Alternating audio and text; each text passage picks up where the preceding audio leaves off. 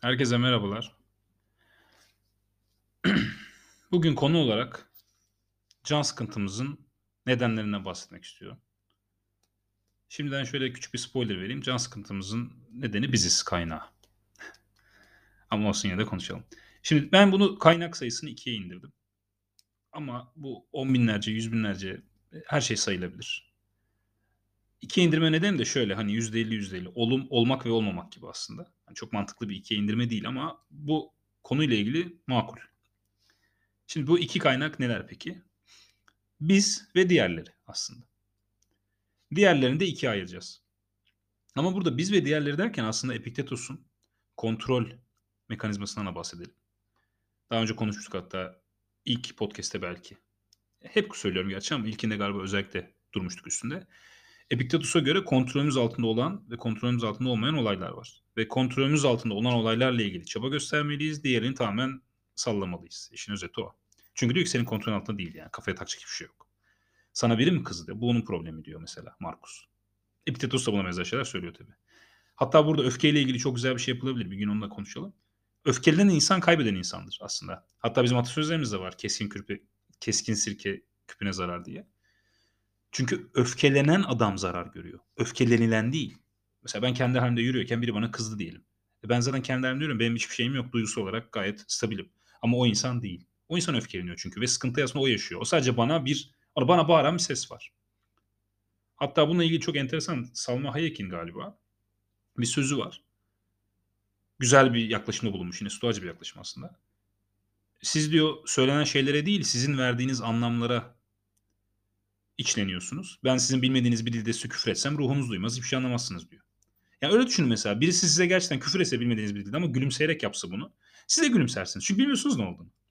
Dolayısıyla bir yani size küfür edilmesi değil aslında olay. Sizin alınmış hissetmeniz. Epiktetos'a bunu çok söyler. Dolayısıyla burada biz ve diğerleri dediğim aslında özetle şu. Kontrolümüz altında olan şeyler ve kontrolümüz altında olmayan şeyler. Ama burada bunu böyle, bu şekilde ayırmak daha iyi. Şimdi bizi kenara bırakıyor şu an. Biz çok önemli değil bu aşamada. Diğerleri önemli.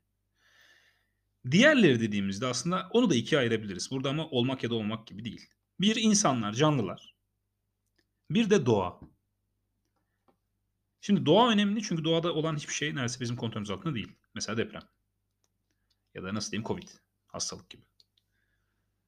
Bunlar bizim kontrolümüz altında değil ama stoacılığa göre doğadan bize kötü bir şey gelme ihtimali yok. Çünkü onlara göre doğa yaratıcı güç, e, evrende logos dedikleri. Onlar yani Tanrı çok diyorlar Tanrı diye ama tan, Tanrı inancı bizim gibi değil onların. Onlar Tanrı dediği zaman aslında doğayla birleştiriyorlar onu. Yani bir yaratıcı her şeyi yarattığı gibi düşünmüyorlar. Her şey hep vardı. Her şey logostan gelir. Her şey logosa döner gibi düşünüyorlar. Aynı aslında bizim Tanrı Allah inancımızda İslam'daki logos benziyor. Ama onlar daha farklı bunu irdeliyor. Mesela onlar logos içimizde hepimizin bir logos parçası vardır der. Biz İslam'da Tanrı ruh üfledi deriz. Bizde Tanrı'nın parçası var deriz falan. Benziyor hepsi. Bütün inançlar böyle aslında. Yani dindar inan dindar demeyelim. Bir yaratıcıya inanmayan inançlarda dahi ortak şeyler inanılmaz fazla var. Çünkü aklın yolu bir aslında. Hepsinin amacı da insanları biraz daha mutlu yaşamaya sevk etmek. Aslında şöyle bir şey de var. Hani bu varoluşsal bir kriz vardır ya işte bu inançlar onu çözmeye çalışıyor özetle. Şimdi doğadan kötü bir şey gelemez dedik. Bu stoacı bir inanç. Bunun nedenleri var. Çünkü diyorlar ki her şeyi yaratan yani nasıl şöyle şöyle tasvir edeyim aslında. Kutsal bir varlık size kötülük yapamaz diyor. O zaman kutsal değildir diyor. Ama diyor bu kutsal. Her şey buradan çıkmış. Dolayısıyla sana kötülük yapması mümkün değil diyor. Biraz böyle basit bir şey gibi ama stoacı bunu söylüyor. Dolayısıyla doğadan kötü bir şey gelemiyor. Bunun bir nedeni daha var. Bir nedeni demeyelim de bir açıklaması daha var. Nedir? Doğa bize karşı koyamayacağımız hiçbir şey vermiyor. Bu yine İslam'dan tanıdık gelebilir. Altından kalkamayacağınız bela size verilmiyor. Dolayısıyla bunun her şeyin üstesinden gelebiliyorsunuz. Gelemediğiniz noktada yaşamıyor, yaşayamıyorsunuz zaten. Hatta yine Markus'un lafını gelelim oradan. Direnebiliyorsan diren diyor. Şikayet etme. Çünkü direnebiliyorsan, ölmediysen sen bu şeyden mesela hastalık, can, canınız yanıyor inanılmaz. Yani öyle ölebilirsiniz. Hepimiz öle, öleceğiz sonuçta. E, ölmediysen diyor direnebiliyorsun demektir. Direnebildiğin sürece şikayet etme, direnmeye devam et diyor. Çünkü bu bir erdemdir aslında. Direnmek de bir erdemdir. Tabii yani biri size vuruyorsa ona direnmekten bahsetmiyorum. Şikayet etmemek bir erdemdir aslında. Doğa işini çözdük. Şimdi insanlar var. İnsanların nasıl davranacağını biz kontrolümüzün altına alamıyoruz. Bunu alabileceğimizi düşünen insanlar var manipüle ederek. Bu hem etik değil yani bunu yapamayız. Hem de yapsak bile garantisi yok. Biz istediğimizi yapalım. Tehdit, ödül, şantaj her şeyi yapalım. En sonunda nihai kararı alacak kişi karşımızdaki kişi. Keza insandan çıkalım köpeğe, kediye, hayvana gelelim. Hayvanların da kendine göre bir iradesi var. Biz dinlemeyecekler muhtemelen. Bizim kontrolümüzde değil yani. Biz onu istediğimiz kadar eğitelim. İşte ödül teknikleri, şeker şeyleri falan. Mesela tuvalet evcil hayvan olanlar bilir. Tuvalet eğitim veriyorsunuz. Çok güzel yapıyor yapıyor 50 gün, 100 gün, 101. gün başka bir yere yapıyor. Yani yapabilir çünkü sizin kontrolünüz altında değil bu. Peki burada ne yapacağız? Şimdi tabii bu hayvan örneği çok şey bir örnek yani uç bir örnek. Genelde canımızı sıkan bir şey değil onlar geçici şeyler ama canımızı insanların bize olan davranışları sıkıyor tabii. Bununla ilgili o kadar çok laf var ki. Yani o kadar çok böyle alıntı yapılabilir. O kadar güzel bir konu. Bu apayrı bir konu da olabilir. Onu çok inanılmaz detaya girmeyeceğim. Hani neden sonuç ilişkisine girmeyeceğim ama biz şunu yapabiliriz özetle. O insan nasıl davranacağını kontrol edemeyiz. Ama o davranışı nasıl yorumlayacağımızı biz kontrol edebiliriz. Burada hani tırnak içinde karşımızdakine acıyalım gibi bir şey söylemiyorum. Anlayışla yaklaşalım diyor. Mesela Epiktetos'un vardır. Kardeşin sana kötü bir şey mi yaptı der. Kardeş ve baba aileden girer mesela. Evet yapmış olabilir ama o senin kardeşin diyor. Yani senin elinde her zaman pozitif yönü var tutabileceğin. Kötülük yapmış olabilir ama diyor sen onu düşünene kadar yani bu adam bana kötülük yaptı diyene kadar dur diyor. Sağa dön ya da sola dön her neyse. Onun senin kardeşin olduğu gerçeğini düşün diyor. Bu senin kardeşin. Mesela Budizm'de de vardır. O biraz daha da güzel aslında Budizm yaklaşımı o konuda. Bir insanla ilgili mesela böyle kötü şeyler olduğu zaman soruyorlar galiba Buda'ya. Bu da şey diyor.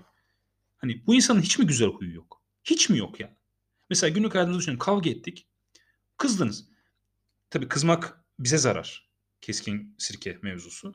Kendi kendimize ediyoruz yani biz kızdığımızda. Buna hemfikiriz. O zaman kızmamamız gerekiyor. Kızmayalım özetle. Peki ne yapacağız o zaman? Nasıl nasıl e, bu duygu şeyini değiştireceğiz? Diyor ki bu insan hiç mi güzel huyu yok? İlla ki vardır. Otur diyor onu düşün. Bu insanın yaptığı güzel şeyleri düşün. Ve ona tutun diyor. Yani sana yaptığı kötü eyleme tutunmak yerine sana ya da başkasına yaptığı güzel eylemlere tutun. İşte bu bakış açısı. Ve bu bizim sahip olduğumuz en büyük güç. İşte diğer canlılarda olmayan güç bu. Biz bilinçli bir şekilde bir olaya ne taraftan bakabileceğimizi kontrol edebiliyoruz. Tabii bu yani bunu konuşmak çok kolay dinleyince aa evet ya böyle bir gücüm var demek kolay falan filan ama bunların hepsini çabalamak lazım. Hatta Seneca ne diyordu? Biz diyor hani yaşadıklarımızdan değil de yaşayacağız diye hayaller kuruyoruz, rüyalar kuruyoruz. Bunlarda daha çok acı çekiyoruz diyor. Hatta bununla ilgili Markus'un da bir lafı var. Rüya demiştim. Rüyadan uyan diyor mesela. Oradaki rüya dediği de bu, bu hayaller işte. Yani sen diyor olmayacak şeyleri hep kötüye yoruyorsun. Hayaller kuruyorsun kafanda diyor. Hem bu anı kaçırıyorsun. Farkındalık konusunda konuşmuştuk bunu diğer podcast'te. Hem aslında sahip olduğun tek şey bu an. Bunu da kaçırıyorsun. Bu gidiyor. Üstüne üstlük bir de gidiyorsun hani güzel bir şeyle hayal kurmuyorsun. Ne bileyim böyle tatil falan hayal de değil. Kaygı dolu şeyler hayalini kuruyorsun ve acı çekiyorsun. Durup dururken. Ama bakış açısı bizim elimizdeydi. O zaman değiştirebilirim. Mesela ben hep söylüyorum. Benim nasıl düşündüğüm bu şeye de girelim. Hani Secret falan kitabı vardı bir ara. İyi düşün, evren iyi şeyler versin. Öyle bir şey yok arkadaşlar. Böyle bir dünya. Duanın bile amacı o değil yani. Duanın da amacı, bu tarz hayallerin de amacı şu. Sen düşünceni neyle beslersen, daha doğrusu şöyle söyleyeyim. Neyi düşünürsen, ruhun da o hale geliyor. Bu da Marx'un sözü. Ruhu şekillendiren düşüncelerdir. Sen güzel şeyler düşünürsen, bu sefer güzeli görme konusunda kendini geliştirmiş oluyorsun. Yani beynin gelişiyor, çalışıyor kas gibi. Güzeli görme konusunda daha başarılı hale geliyorsun. Ve herhangi bir olaya baktığında karamsarlık yerine optimist bir şekilde bakmayı öğreniyorsun. Aslında yapılan bu. Hani 21 gün işte şunları yazın. Eğer siz orada istek diye ben zayıflamak istiyorum yazıp da 20 gün diyet yapmıyorsanız, yürüyüş yapmıyorsanız, spor yapmıyorsanız zaten yani evren ya da Tanrı kimse size bunu vermeyecek. Niye versin ki? Bu şey gibi, hile kodu gibi olur. Orada onu yapmanın nedeni siz kendinizi sürekli bunu her gün 5 dakika 10 dakika bunu hatırlatıyorsunuz aslında oradaki olay o. Yani kendinizi geliştiriyorsunuz kas gibi düşünün, spor gibi düşünün. Bunları yaptıkça gelişiyor ve bizim amacımız bu olmalı. Mesela konuşmaların da amacı bu.